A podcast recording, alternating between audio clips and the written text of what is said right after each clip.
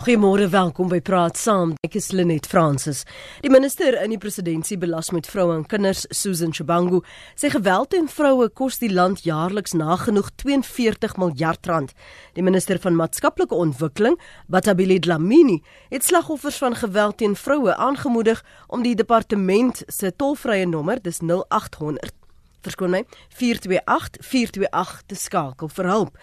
Maar wat help al die nommers en die statistiek? Is daar nie daadwerklike hulp is by die eerste punt van toevlug nie, die polisie. Glo jy die polisie is bevoeg om sake van geweld teen vroue en kinders te ondersoek? Ons gaste vanoggend is professor Rika Snyman. Sy is professor in polisiepraktyk by Unisa. Goeiemôre professor. Goeiemôre net. En ons praat ook met Jean Bodenstein. Sy is 'n koördineerder by Rape Crisis. Môre Jean. Goeiemôre net en goeiemôre aan die luisteraars. Rika, so wat wag dit was 1995 is 'n vriendin van my um verkrag en die polisie het die bewyse die DNS alles verloor. Dit was sekerlik al 3 keer wat alles herhaal moes word en selfs ook die dossier het voete gekry. Het dinge sedertdien verbeter? Net um ja en nee uh, jy sê die voorval was 1995 ek wil net ons 'n uh, bietjie terugvat om te kyk waar hierdie wet wat ons wat op wat tans uh, gesinsgeweld uh, beheer waar dit vandaan kom. Gedurende die apartheidsdae was daar geen sodanige wet nie.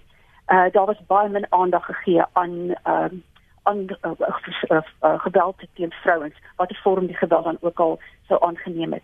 Toe daar in 1993 die wet op die voorkoming van gesinsgeweld uh is gepromulgeer en geïmplementeer.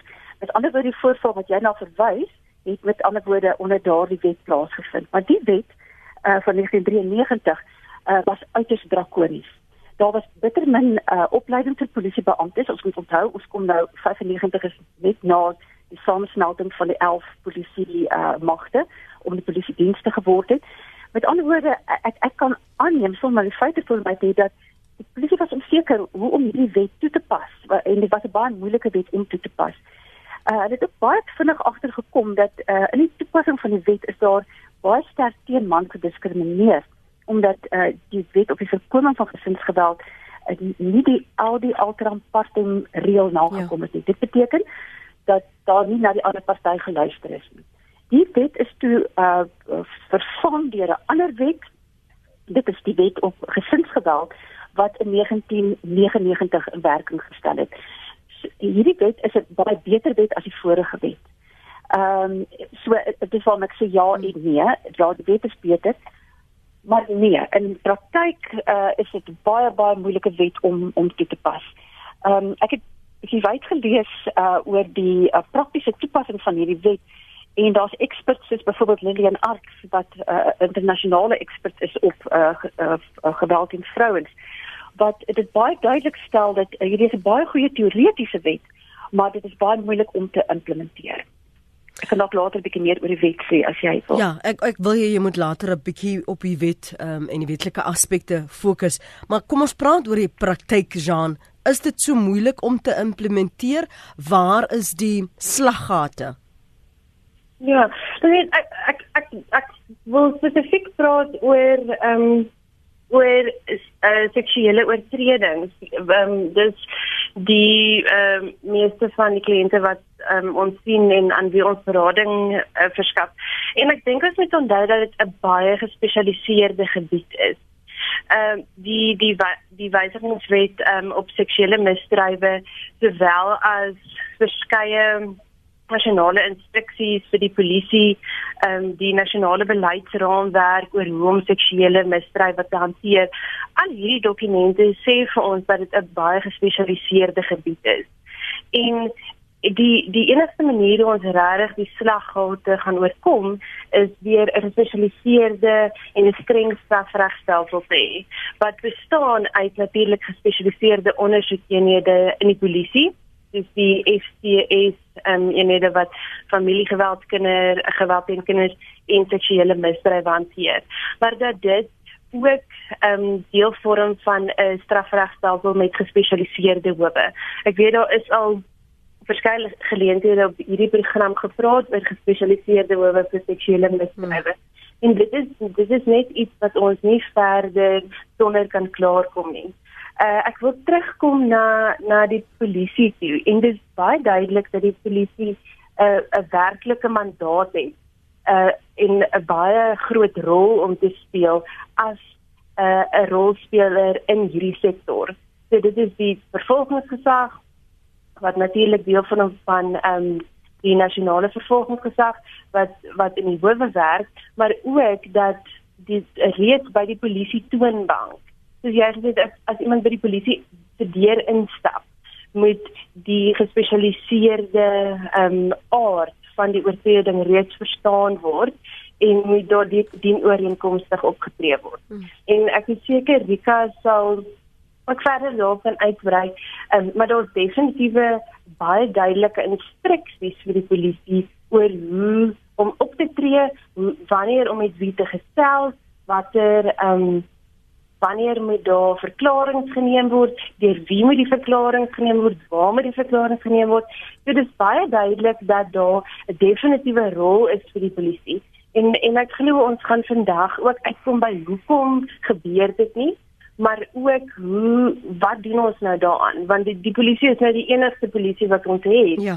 en en hulle het 'n definitiewe rol vir die burgers van die land so hoe maak ons nou wat wat wat staan ons nou te doen sodat mense veilig voel maar ook sodat die sekondêre trauma wat deur slagoffers hmm. ervaar word sover as moontlik verminder word en dat die strafregstelsel dien as 'n afskrikmiddel um, vir vir oortreders kan ons stil staan dan by daai een punt, daai daai eerste oomblik wanneer die slagoffer instap by daai polisiekantoor wat sê of hy geensins weet of die persoon wat hulle ontvang hoe hulle hanteer gaan word nie. Jy verwag dat daar genoeg deernis gaan wees. Jy verwag dat jy nie na 'n kamertjie geneem gaan word uh, en met 'n 'n polisieman byvoorbeeld daar gaan sit nie. So so onmiddellik na so 'n traumatiese ervaring nie. Rika, is daar spesifieke opleiding? Um, ek weet Jean verwys nou wat veronderstel is om te gebeur, maar gebeur dit? Het elke polisiestasie in ons land ten minste een persoon wat vir jou gaan sê help, kalmeer, deur die proses neem, die die die verklaring gaan afneem en jou gaan waarborg jy's in veilige hande dit is net ek presies waar die dilemma lê. Ehm um, ek wil net wat weer 'n bietjie terug gaan in in ons uh so 'n paar jaar terug gaan. Uh, uh die uh, nuwe wet is in 1999 in werking gestel. Ehm um, in 2001 het die vorige uh, polisiekommissaris Jackie Sandebe, hoe kontroversieel hy ook al was, het hy die volgende stelling gemaak oor die uh gesinsgeweld wet. Nou onthou dit is die nasionale kommissaris van daardie tyd wat gesê het dat uh, hierdie wet is gemaak en ek haal aan made for country like Sweden, not South Africa. En hy was van die um, uh, oortuiging dat hierdie wet nie polisieerbaar is nie. Met ander woorde die wet het nie werklik prioriteit gekry toe hy in werking gestel is nie. Ehm um, die situasie tans verander. Uh en en en en positief verander, maar ons is nog glad nie waar ons moet wees nie. Uh die twee sterkpunte van die wet is ook die twee punte wat dit baie moeilik maak om die wet te implementeer. Die eerste sterkpunt van die wet is dat uh, dit uh, gesinsgeweld geweld in vrouens uh, omskryf soos wat vrouens dit ervaar. Ehm um, 'n geweldige omvattende beskrywing dit sluit 'n verskeie van forme van gedrag in. En ons dink altyd 'n gesinsgeweld is net 'n blou oog of 'n gebreekte arm of of iets wat jy kan sien. Uh, maar dit is een van die elemente. Dit kan ook 'n seksuele, ook binne huwelik uh, emosioneel of so kundig ekonomiese uh, uh, intimidasie wees. Hmm. Beskadiging van eiendom. Uh toegang sonder toestemming in die huis. Dit sluit ook in die tweede punt wat sterk uh, van die, wat baie positief van die wet is, is dat dit definieer um, gesinsverhoudings op 'n baie wye vlak. Dit is nie net jou tradisionele man en vrou nie. Dit is ook jou vorige uh man of vrou. Dit is ook iemand wat weer in 'n verhouding was al is dit 'n langer gelede dit uh, die, die beskrywing van die verhoudings is geweldig wyd. En dit maak dit ook baie moeilik vir die polisie om te kan baie keer kan hulle sien wat die wat die uh, geweld is, die aard van die geweld nie. En dit is baie moeilik ook om jou kop rond te kry rondom die verhouding waarbinne hierdie geweld plaasgevind het ja. Plaasvind. Dit is nie net 'n skoon gesnyde, dis 'n man wat 'n vrou aanrand. Dit is ook vrouens wat mans aanrand. Hmm. Ons moet net dit dit dit ook onthou. Dit is nie net vrouens nie. Maar ek weet ons is nou nie 16 dae aktivisme oor vrouens, so kom ons praat net oor oor vrouens. Ehm um, die polisie eh, daar's polisie eenhede wat geskep was en wat ook onder leiding van Jackie Selebe ontbind was wat gefokus was op die ondersoek van gesinsgeweld. Toe is die eenhede ontbind want hy was van mening dat dit nie 'n wet is wat regtig implementeerbaar is nie. En uh die ekspertise toe eintlik verdwyn in die in die in die uh, algemene polisieering in. Tot op besef is maar dit is een van die grootste foute wat nog gemaak is. Een van my doktersaanstudente het navorsing gedoen oor die impak van die sluit van daai eenhede hier in die begin 2000s en uh, skokkende onderlings uh gehad wat ook aanleiding gegee het tot die feit dat die die uh, een spesialis eenhede weer uh weer gevorm is. Maar toe moet dit weer van voor af opgebou word. Nou praat ons seker nie 2005 2006 wat ook maar 10 jaar gelede is. Ehm um, so daar is nou hierdie eenhede. Hulle funksioneer in polisie uh, polisiestasie groeperings. Met ander woorde, elke polisiestasie het nie 'n spesialis ondersoeker vir gesinsgeweld nie. Uh alle polisiewede het egter 'n basiese opleiding van van die wet. Ja. En hoe die wet uh, funksioneer en hoe die wet geïmplementeer word. Uh maar nou wil ek net verwys na ek het 'n uh, doktorsgraad opgespoor van uh Rita van Stellenbosch Universiteit wat uh eintlik mens hulle met haar gepraat het vandag uh wat 'n lieflike stuk navorsing gedoen het en gaan kyk het na uh hoe beleef die polisie die uitvoering van hierdie wet. En uh dit is eintlik baie hartseer om te sien hoe hulle dit beleef. Uh hulle kyk spesifiek na die opleiding, die aard van die opleiding volgens hierdie polisiebeamptes en dit was 'n redelike groot steekproef. Is die opleiding minimaal. Dit is in sekere gevalle 'n week opleiding, uh in sekere gevalle 2 weke opleiding en uh dan word daar weer 'n uh, uh, uh, uh, uh, verdere opleiding gegee, maar dan sit 'n dag of, of 2 dae. En die probleem met hierdie wet is dis 'n teoretiese baie goeie wet, maar hierdie wet is 'n baie moeilike wet om te implementeer. Behalwe vir die implementering van die wet, is dit ook emosioneel 'n baie moeilike situasie om te hanteer. Uh en dit sit nie in elke polisiebeampte se broek om hierdie tipe van geweld en die die alle emosies rondom kinders wat betrokke is. Hmm. Uh dikwels uh alkoholmisbruik, dwelmmisbruik wat saamgaan hier rondom. Dis dis dis baie moeilik. Nou is dit nie alle slagoffers kom na die polisiestasie toe om dit uh um om uh, uh die geweld aan te meld nie. Hulle die polisiebeamptes word baie keer uitgeroep na die huis toe of die konteks toe waar binne hierdie geweld plaasvind. En dit is vir die polisiebeamptes baie traumaties om in so 'n situasie in te stap en en nou hierdie hierdie gesinskonteks te moet kalmeer en hanteer en en dis dis dis dis 'n uiters uitdagende wet om om toe te pas. Nie net bloot gaan net sê ja die polisie doen hulle werk nie. Ja. Ek dink van hulle doen nie hulle werk nie, maar ek dink die vir die meeste volgens die navorsing van Retief uh is dit vir hulle geweldig moeilik om daai rolverskuiwing van die hantering van uh nie gesinsgeweld nie, maar die hantering van gesinsgeweld uh korrek te kan hmm te kan implementeer. En dan die ander aspek van die wet, ek net ek sal nou klaar maak. Uh die ander aspek van die wet is die polisie is onder plig om om 'n sekere optredes te doen. En as hulle dit nie doen nie, kan hulle dissiplinêr aangekla word. Maar baie keer is dit baie moeilik om om weens die omstandighede wat ek nou ook genoem het, om om wel uitvoering aan die wet te kan gee want dit baie keer is daar vals klagtes. Baie keer as die polisie opdaag op die toneel, dan is die vrou kwaad vir die polisiebeampte en weier dat die man byvoorbeeld gearresteer word. Die klagtes word baie keer 'n dag of twee daarna teruggetrek. So dis dis 'n baie uiters dinamiese uh konteks. Kom ons gee gou vir jou kans Jean om te reageer dalk is daar enkele punte wat jy wil belig na aanleiding van wat Rika gesê het. Ja, ek wil graag aansluit by die by Rika in soverre die las wat op die polisie se skouers rus om uh 'n gesinsgeweld sowel as seksuele misdrywe se ondersoek 'n geweldige swaar emosionele las is. Ehm um, ek dink nie ons moet uit die oog verloor dat in baie gevalle uh, selfgespesialiseerde ondersoekbeamptes baie min ondersteuning kry om hierdie las te dra. So ehm um, baie min ook ehm um, ondersteuning van hulle toesighouers. En ek dink dit is um, iets wat in die onlangse um, studie deur die Mediese Navorsingsraad en Wit Universiteit aan die lig gekom het. Is ons verwag van die polisie om baie dinge te doen omdat dit hulle mandaat is. Maar terselfdertyd word daar nie genoeg ehm um, menslike hulpbronne toegedien aan aan die ehm um, staats die stasies maar ook nie aan die FCS units nie. Hmm. Ehm um, so die ander probleem is praktiese hulpbronne, byvoorbeeld voertuie. Ehm um, ek ons hoor gereeld van situasies waar 'n uh, verskeie FCS um, ondersoekbeamptes een voertuig moet deel en dan is dit net prakties moeilik om hulle take uit te voer. Uh, ons weet ook dat selfs die aanstelling van van FCS um, ondersoekbeamptes dat daar 3 of 4 aangestel word vir 'n baie groot gebied. Uh wat 'n hele klomp stasies moet bedien.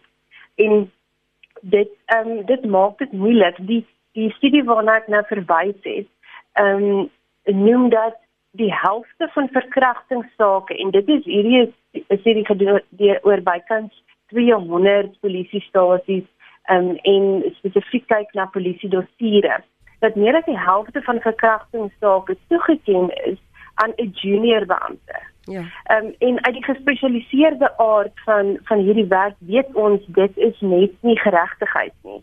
Ehm um, bykans 'n vyfde van die die Engels rape kits, die die waar hulle die DNA ehm um, bewyse met versamel. Bykans 'n vyfde is nooit ingedien vir ehm um, ontleding nie. En en terwyl ek dit sê, wil ek ook sê dat baie van ons kliënte ervaar die die ondersoekbeampte wat met hulle saak werk as ehm um, as as goed in in selfwaar werk met goeie terugvoering, maar net so is die is die ander kant net so waar. Ehm um, so dit is asof daar regtig nie 'n deurgaanse kwaliteit is nie. Dit is dit is ehm um, pockets of excellence. Ja. Ehm um, maar dit is net hier en daar en dit is net elke stoofveelste slagoffer wat regtig um, die die regte kan geniet wat in die victim service charter is. Dit is baie duidelik dat slagoffers van van watter geweld ehm um, regte het en ehm um, ingelig moet word van wat in die saak aangaan, wie wanneer die saak verwys word uh, vir vervolging ensovoorts ensovoorts ensovoorts, maar dit is slegs 'n baie klein persentasie van slagoffers wat regtig dit kry wat alle slagoffers behoort te kry.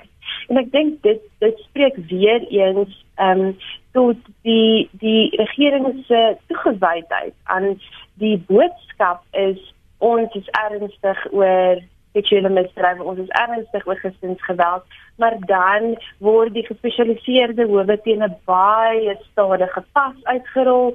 Daar word nie genoeg genoeg genoegsame befondsing en hulpbronne toegeken aan polisiestasies en die FCS eenhede om te sien dat ehm um, dat dit die woorde um, geëg word deur die dade nie. En ek dink dis wat hmm. dis wat frustrerend is vir slagoffers. Ehm um, dis dis baie mooi om hier en daar te hoor van is van 'n uh, 'n goeie uitkoms. Ja. Maar dit is rarig, dit is Engelsman sê too far and few um in between. Mm. En die ehm um, daar's daar's daar's werklike veranderinge wat gemaak moet word ook in die struktuur van die polisie se toesighouding.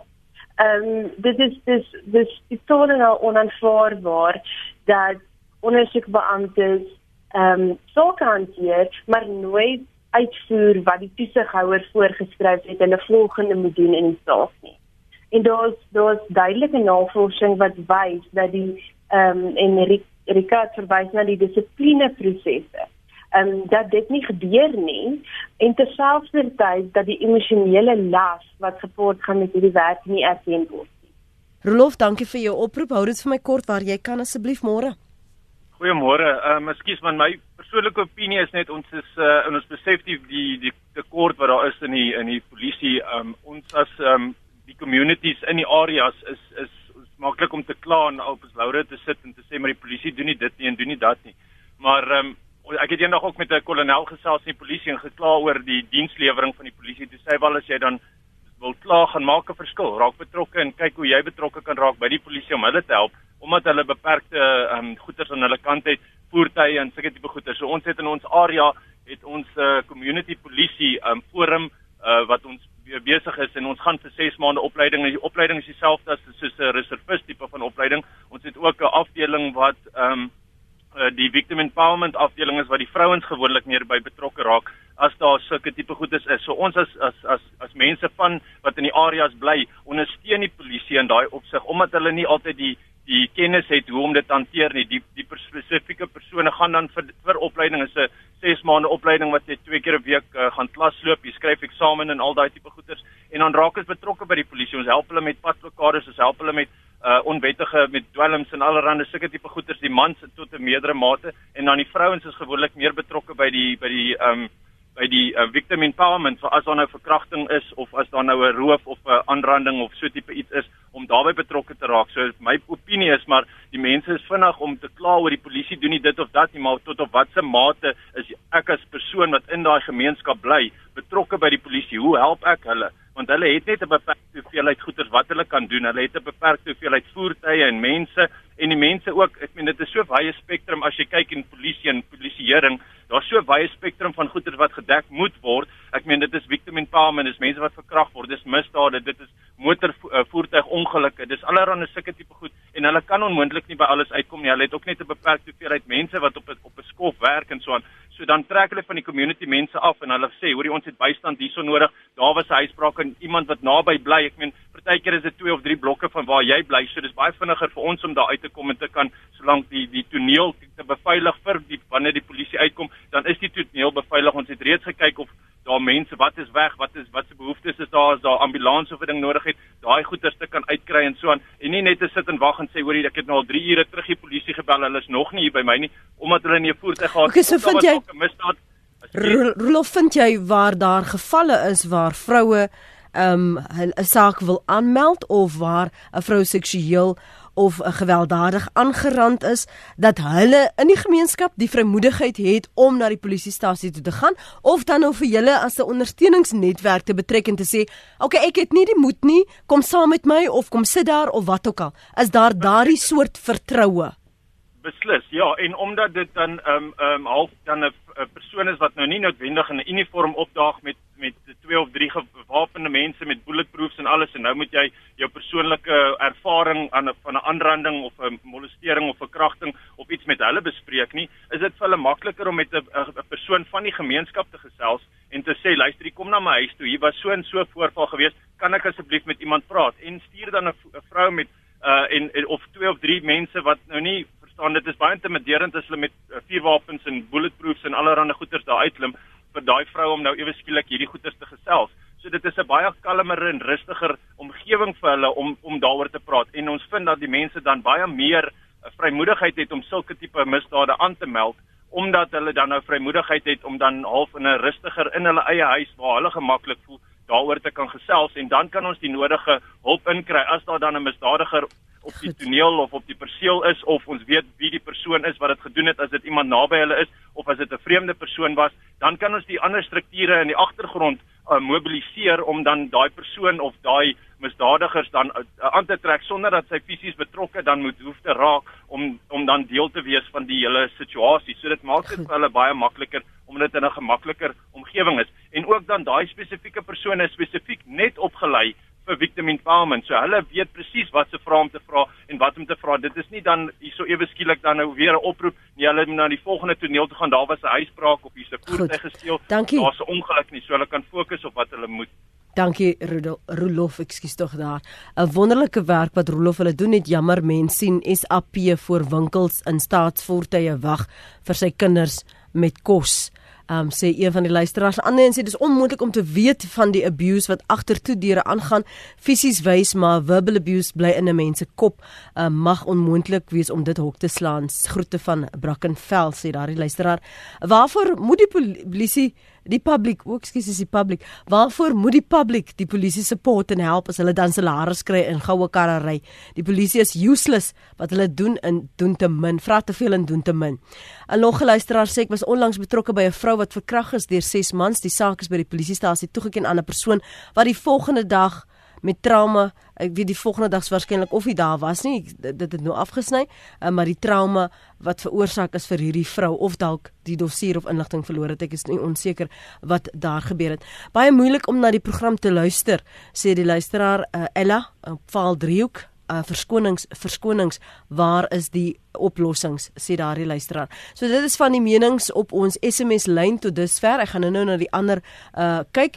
Uh, die een sê um, my vrou mag al meer as 15 jaar nie met haar suster kontak maak nie. Haar sus word ook mishandel en gedreig sou sy iets doen, dan maak hy sjo, die kinders dood.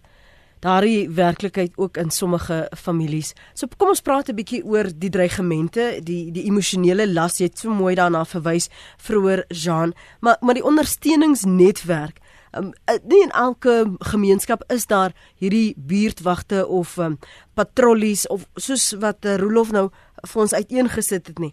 Wat wat anders staan 'n vrou te doen? Wie anders gaan haar te hulp snel? Jean? Ja, um, ek ek ek ek het baie gehou van wat wat Rolof sê um, oor die samewerking tussen die gemeenskap en en die polisie. En en dis duidelik um, dat dat waar daar samewerking tussen verskillende departemente, so die vervolgingsgesag, departement gesondheid, maatskaplike ontwikkeling, polisie en lewensgewende organisasies is. Dit is regtig ondersteuning bied vir die slagoffer, maar dat dit ook die vertroue in die strafregstelsel ehm um, verbeter. En ek weet van baie gemeenskappe waar uh, nie regeringsorganisasies of ander gemeenskapslede 'n diens doen in die victim empowerment rooms en dis dikwels verslagoffers baie soos Rolof gesê het uh goed om iemand te met iemand te praat wat soos hulle lyf wat in gewone klere is en in 'n veilige omgewing. Maar ook wil ek net verwys na die ander samewerking. So tussen die staatsaanklaer en die polisie waar daar gespesialiseerde howe en gespesialiseerde ondersoekeenhede is. En en daar is 'n hele paar sulke gevalle in die land alhoewel ons weet dat dit nog nie genoeg is nie. Maar hierdie staatsaanklaer 'n groot rol om te speel in in die ondersoek nie jouself die ondersoek te doen nie maar deur leiding te gee vir die polisie omdat die staatsaanklaer is 'n kenner op die gebied van iets soos seksuele misdrywe of gesinsgeweld en kan regtig leiding verskaf aan die polisie rakende die bewysstukke wat nodig is of navraag doen oor die DNA bewyse en dit maak regtig dat 'n sterker saak gebou kan word teen die teen die oortreder. Maar ek dink dat die die vertroue in die strafregstelsel is iets wat tans in ons land nie goed is nie jy self dan verwys, maar ook dat mense nie noodwendig weet waar hulle oral kan aanmeld nie. Jy hoef nie slegs by polisiestasie 'n verkrachting aan te meld nie. Jy kan ook direk na 'n uh, 'n mediese instelling te gaan. Jy sê dit is 'n uh, kliniek of 'n uh, uh, hospitaal naby en kan dan daar die mediese behandeling kry as dit 'n gespesialiseerde hospitaal is kan kan jy ook die forensiese ondersoek daar laat doen maar die hospitaalpersoneel laat kom dan die polisie. So dit is die, die polisie uh, stasie is dikwels baie intimiderend So dit is moontlik om dit aan die direk na mediese fasiliteit te gaan en dan te vra dat die mediese fasiliteit personeel die polisie in kennis stel. Een so voorbeeld is die Tsitsela Care Centers of deur die um, nasionale vervolgingsgesag bestuur of die Kusileka sentrums waar die maatskaplike ontwikkeling bestuur word. Maar wat belangrik is is om te weet dat daar gespesialiseerde mediese hulp is ja. en dat die eerste toeg, die eerste kontak met die strafregstelsel hoef nie by die polisiestasie te wees nie. Dit kan by een van die mediese fasiliteite wees. Ehm um, so ek dink dikwels is dit is dit 'n inligtingsrol. Ja. Ehm um, ek weet baie nie regeringsorganisasies doen um, baie bewusmaking uh, en ek dink dit maak die strafregstelsel meer toeganklik en help ook om die vertroue te herstel.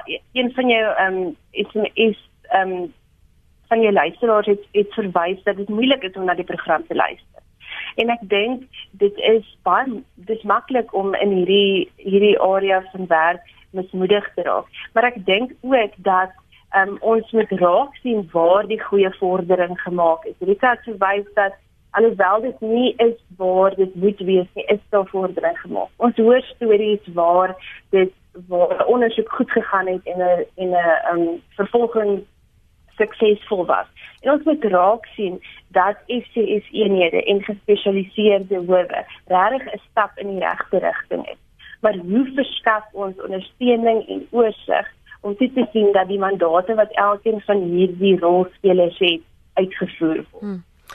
Kom ons vra vir Valerie daar in Port Elizabeth, dink ek het ek jou naam gesien Valerie asseblief jy moet vir my terugbel. Ek sien jy's 'n maatskaplike werker. Ek wil baie graag jou oproep uh, neem.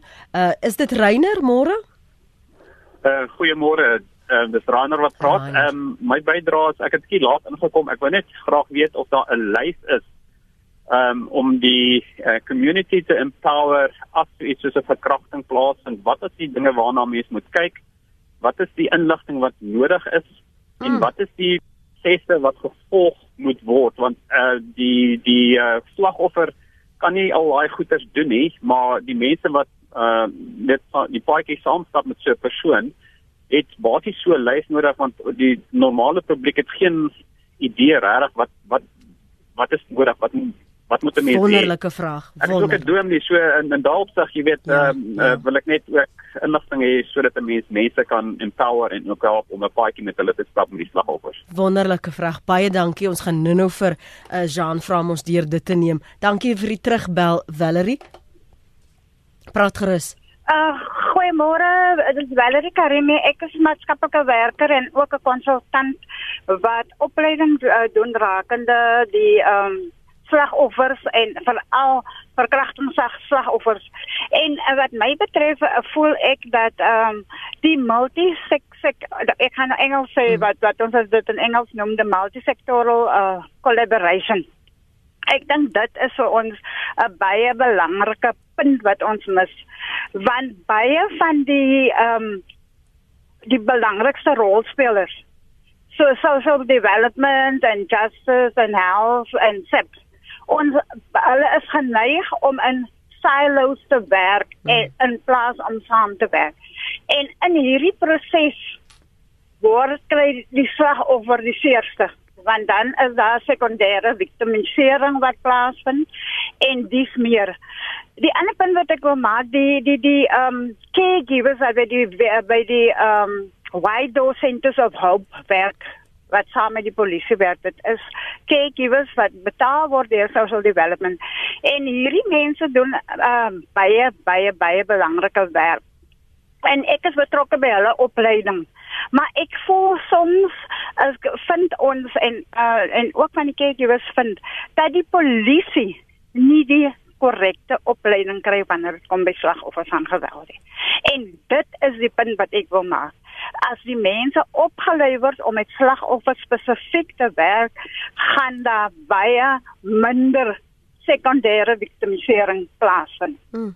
So dink jy die die opleiding wat hulle kry of die wat hulle uitvoer is meer van ons moet net seker maak dat ons hier reg skryf en die verklaring regneem, maar die ander uh, leiding of die ander sekondêre gevoelens of of of die trauma wat daarmee gepaard gaan, ja. hulle is nie op bevoeg om dit te hanteer nie. Is net van ah, ons moet die werk doen, ons moet nou skryf. Eh, hulle net vir vir wanneer as jy nou noem van die verklaring. Soms word die verklaring nie eens reg geneem nie met die gevolg dat sake uitgegooi word by die hof. En veral wanneer dit kom by taalgebruik. Ja. Die die dis dis 'n Afrikaans sprekende konstabel uh, wat 'n Xhosa sprekende persoon sien. En en hy skryf Engels en hy skryf sy eie Engels. Ja.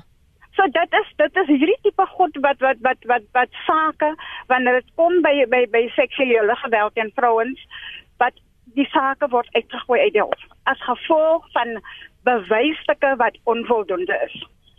En en die die, die ander feit is wanneer dit kom by forensiese ondersoeke, ons mense, ons moet ons gemeenskappe oplei dat mense weet dat bewysstukke moet bewaar word. Nie vir die persoon se gaan pad jou nadat jy verkrag is, jy seker van nou vuil, want die bewysstukke word weggewis. Maar dit is die tipe opleiding wat ek doen hier in die Ooskamp en ehm um, ek het verlede week 'n opleiding gehad in grawery net wat met met caregivers wat baie suksesvol was was. So ek dink ons moet ons meer konsentreer op bewusmakings uh, veldtogte en opleiding van ons polisie. Domeegens, Jamie vat gou Valerie se nommer dat ons in kontak met haar kan bly asseblief. Valerie, baie dankie dat jy teruggebel uh, het. Jody gaan jou oproep terugneem. Uh, baie dankie Lenet. Mooi bly. Die punte wat Valerie gemaak het, Rika en ook hierdie silo's waarin almal werk en die kwessie van taal byvoorbeeld as 'n vrou geviktimiseer voel, getraumatiseer is en sy wil dit uitdruk so sy voel haar ervaring is, moet jy nie vir my dit vertaal en vir my sê hoe ek eintlik gevoel het nie. Ja, dit is dis baie uitdagend. Ek het uh, vir my uh, baie positief dat daar mense soos Valerie is en ek hoop daar's nog duisende van hulle in ons land uh, wat uh, daai hier gesindheid openbaar en die opleiding doen. Ehm um, ek dink ons sê vir mekaar dit duidelik uh, en ek wil dit nou benaam gee. Ons sit met 'n stelselsprobleem in die uh, implementering van die gesinsgeweld-wet en die behoorlike uitvoering daarvan. Uh daar is silo's. Uh dit is nie net die polisie wat in 'n silo werk nie. Uh die uh, navorsing van Retief wys baie duidelik dat uh die die samewerking tussen die verskillende rolspelers is baie beperk. Ons praat dis dat makliker in ons uh, stedelike gebiede waar daar baie meer hulpbronne is, baie meer organisasies is, maar ek dink as ons na die ons plattelandse konteks te begin beweeg, dan dan raak dit eers werklik waar uitdagend. Ehm um, uh, en dan die die, die groot probleem is dat uh, daar is ook 'n baie dikwels 'n hoë omset van personeel wat uh, dan word een persoon in departement sosiale ontwikkeling byvoorbeeld bou goeie bande met iemand in uh, die polisie en dan word die persoon verplaas of uh, bevordering en dan kom daar 'n nuwe persoon in. Uh, ek sal persoonlik wil sien dat ons gespesialiseerde uh, persone identifiseer in die polisie wat die regte gesindheid geaardheid en aptyd het vir die hantering van gesinsgeweld. En daardie persoon uh, toelus op, op op op alle vlakke en dan as 'n beroep hou in daardie posisie wat dan kan bande bou wat daar kan oor jare 'n verhouding opbou tussen uh, NPA uh, en die ander rolspelers ensovoorts. Dit dit sal vir my die ideaal wees.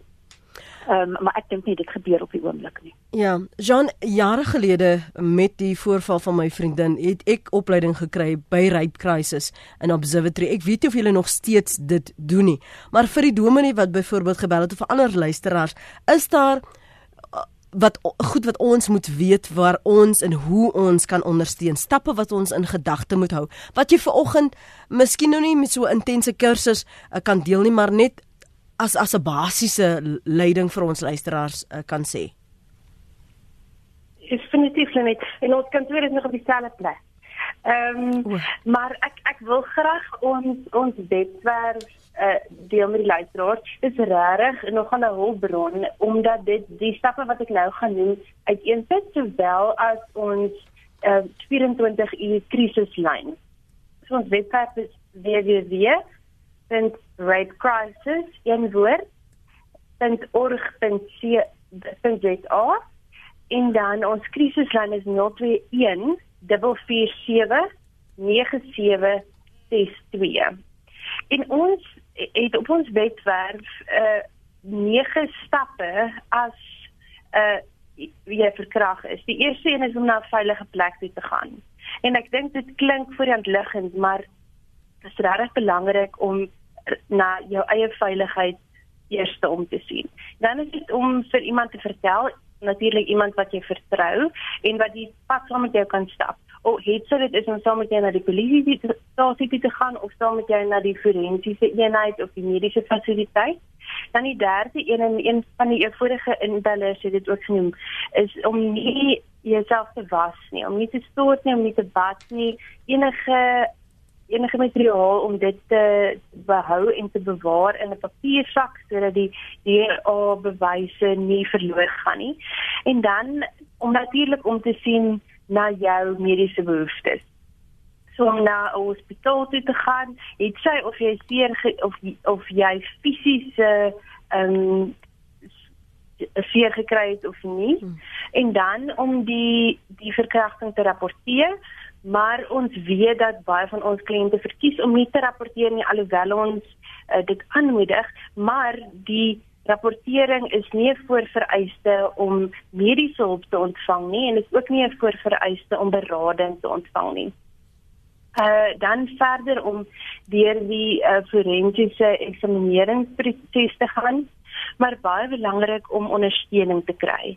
Het sy dit is uh um deur pamflette te lees oor oor die verkrachting en die emosionele gevolge daarvan of om 'n direkte beradingsdiens soos Rape Crisis um te kontak deur die krisislyn en en dan sal wie ook al die krisislyn beman weer verwys na waar daar so 'n diens is nou aan jou. So as jy in Johannesburg bly, alhoewel ons kantoor in die Kaap is, is jy baie welkom om die krisislyn te bel vir 'n uh, 'n uh, dadelike hulp, maar ook vir 'n verwysing vir langtermynhulp en dan om natuurlik die nodige mediese behandeling te kry wat jy met so het sê dit is um, om HIV ehm um, te voorkom of antibiotika vir seksueel oordraagbare siektes. En en dit ek sê saam met Reinier wat gesê het dat dit regtig belangrike inligting is.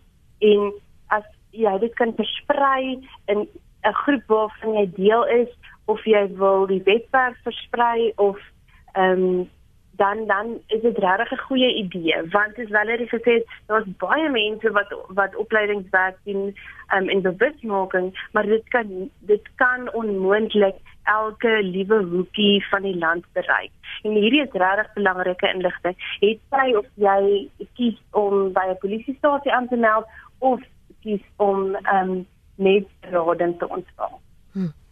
Baie baie dankie vir jou tyd vanmôre, professor Rika Snyman en Jean Bodenstein. Waardeer julle insigte en professionaliteit en veral wat hierdie so 'n sensitiewe kwessie vir ons leiding in die verband te gee. Waardeer dit. As jy nou meer inligting verlang, gaan na daardie webblad, die um, 24 uur hulplyn van Rape Crisis. Maak nie saak waar jy is nie. As jy met iemand wil praat, bel hulle al sit hulle in die Kaap Die telefoon kan ons nou almal bereik. 021 447 9762. Dis 021 447 9762 of gaan na die webblad www.rapecrisis.org.za. En baie dankie vir die saampraat.